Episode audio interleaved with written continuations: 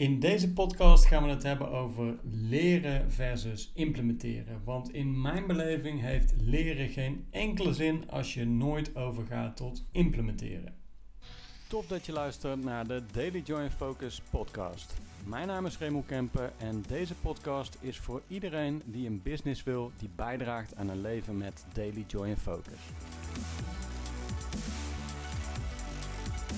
Dagelijks genieten maar ook dagelijks toewerken naar je ambitieuze doelen. Ja, ik kan me nog goed herinneren het moment dat ik moest kiezen voor een school. En dat iedereen bezig is om te bedenken van, nou, wat voor school ga ik toe? Kies ik voor een mbo of voor een hbo? Wat ga je doen? En eigenlijk is het verschil tussen praktisch bezig zijn of zeg maar meer theoretisch bezig zijn. Het verschil tussen leren versus implementeren. En in mijn beleving werkt het dus alleen ja, om te leren als je ook daadwerkelijk overgaat tot implementeren. En doe je dat niet, dan heeft leren geen enkele zin. Als ik terugkijk naar ja, het pad wat ik gelopen heb, dan heb ik op een bepaald moment gekozen voor een HBO-opleiding.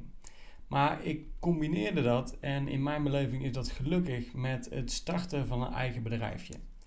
En niet dat ik daar meteen eh, miljonair van werd of op een andere manier enorm veel geld mee verdiende. Het was wel de basis voor nou ja, het leren. Dus juist omgekeerd, het implementeren, het tot actie overgaan, heeft me meer gebracht dan het leren uit boekjes. En ik weet nog dat we, ja, een van de eerste bedrijfjes waar ik zeg maar, kleding ging ontwikkelen, of eigenlijk kleding liet bedrukken, eigen prints liet drukken op kleding. Of dat drukken deden we eigenlijk zelf.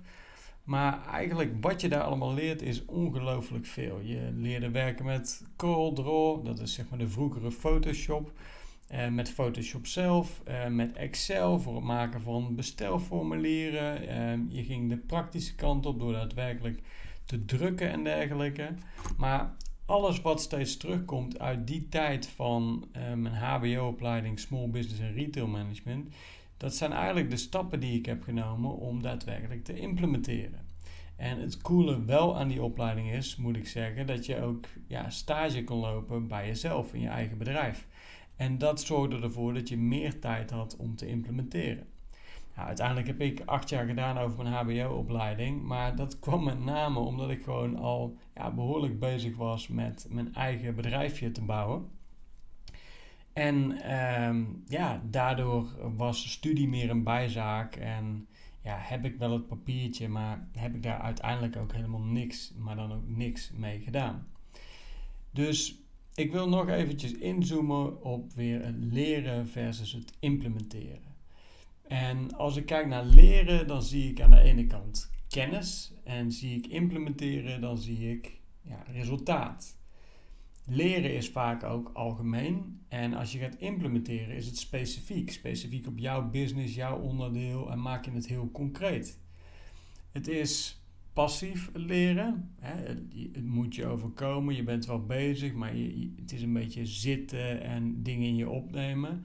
Terwijl implementeren actief is. En dat zorgt er eigenlijk ook voor dat het leren heel vermoeiend is en het implementeren je energie geeft. Kijk, met leren is falen eigenlijk ook onmogelijk. Ja, je kunt falen voor een test of een, een, een ja, schoolonderzoek of een toets of iets dergelijks. Maar het leren aan zich kun je niet falen. Het is heel safe eigenlijk om te leren. En aan de andere kant is bij implementeren falen wel mogelijk. Iets kan niet lukken.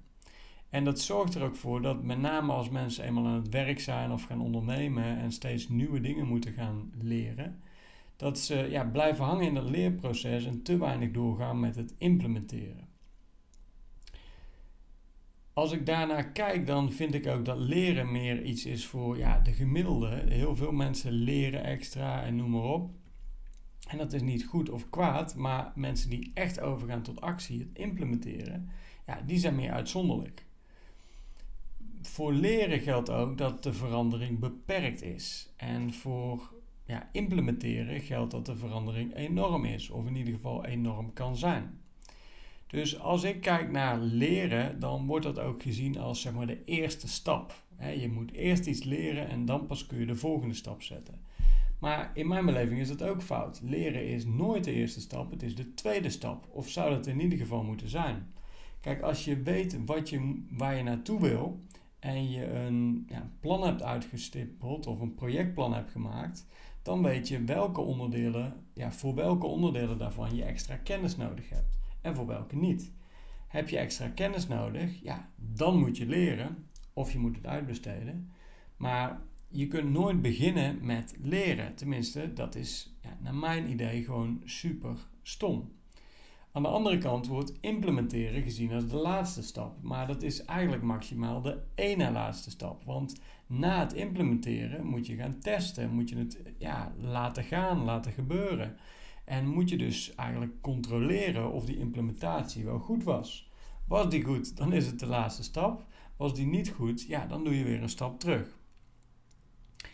En wat ik cool vind aan implementeren, en sowieso dus cool vind aan iedereen die echt actie onderneemt en echt dingen gaat doen, is dat als je faalt bij het implementeren, wat heel goed mogelijk is, ja, dat het nog steeds gelijk is aan succes hebben bij het leren. En dat is ook de reden dat je altijd moet implementeren. Want ah, ja, al faal je, ja, dan zijn de lessen die je uit een implementatietraject haalt, het echt doen, het echt bouwen, um, echt ervoor gaan.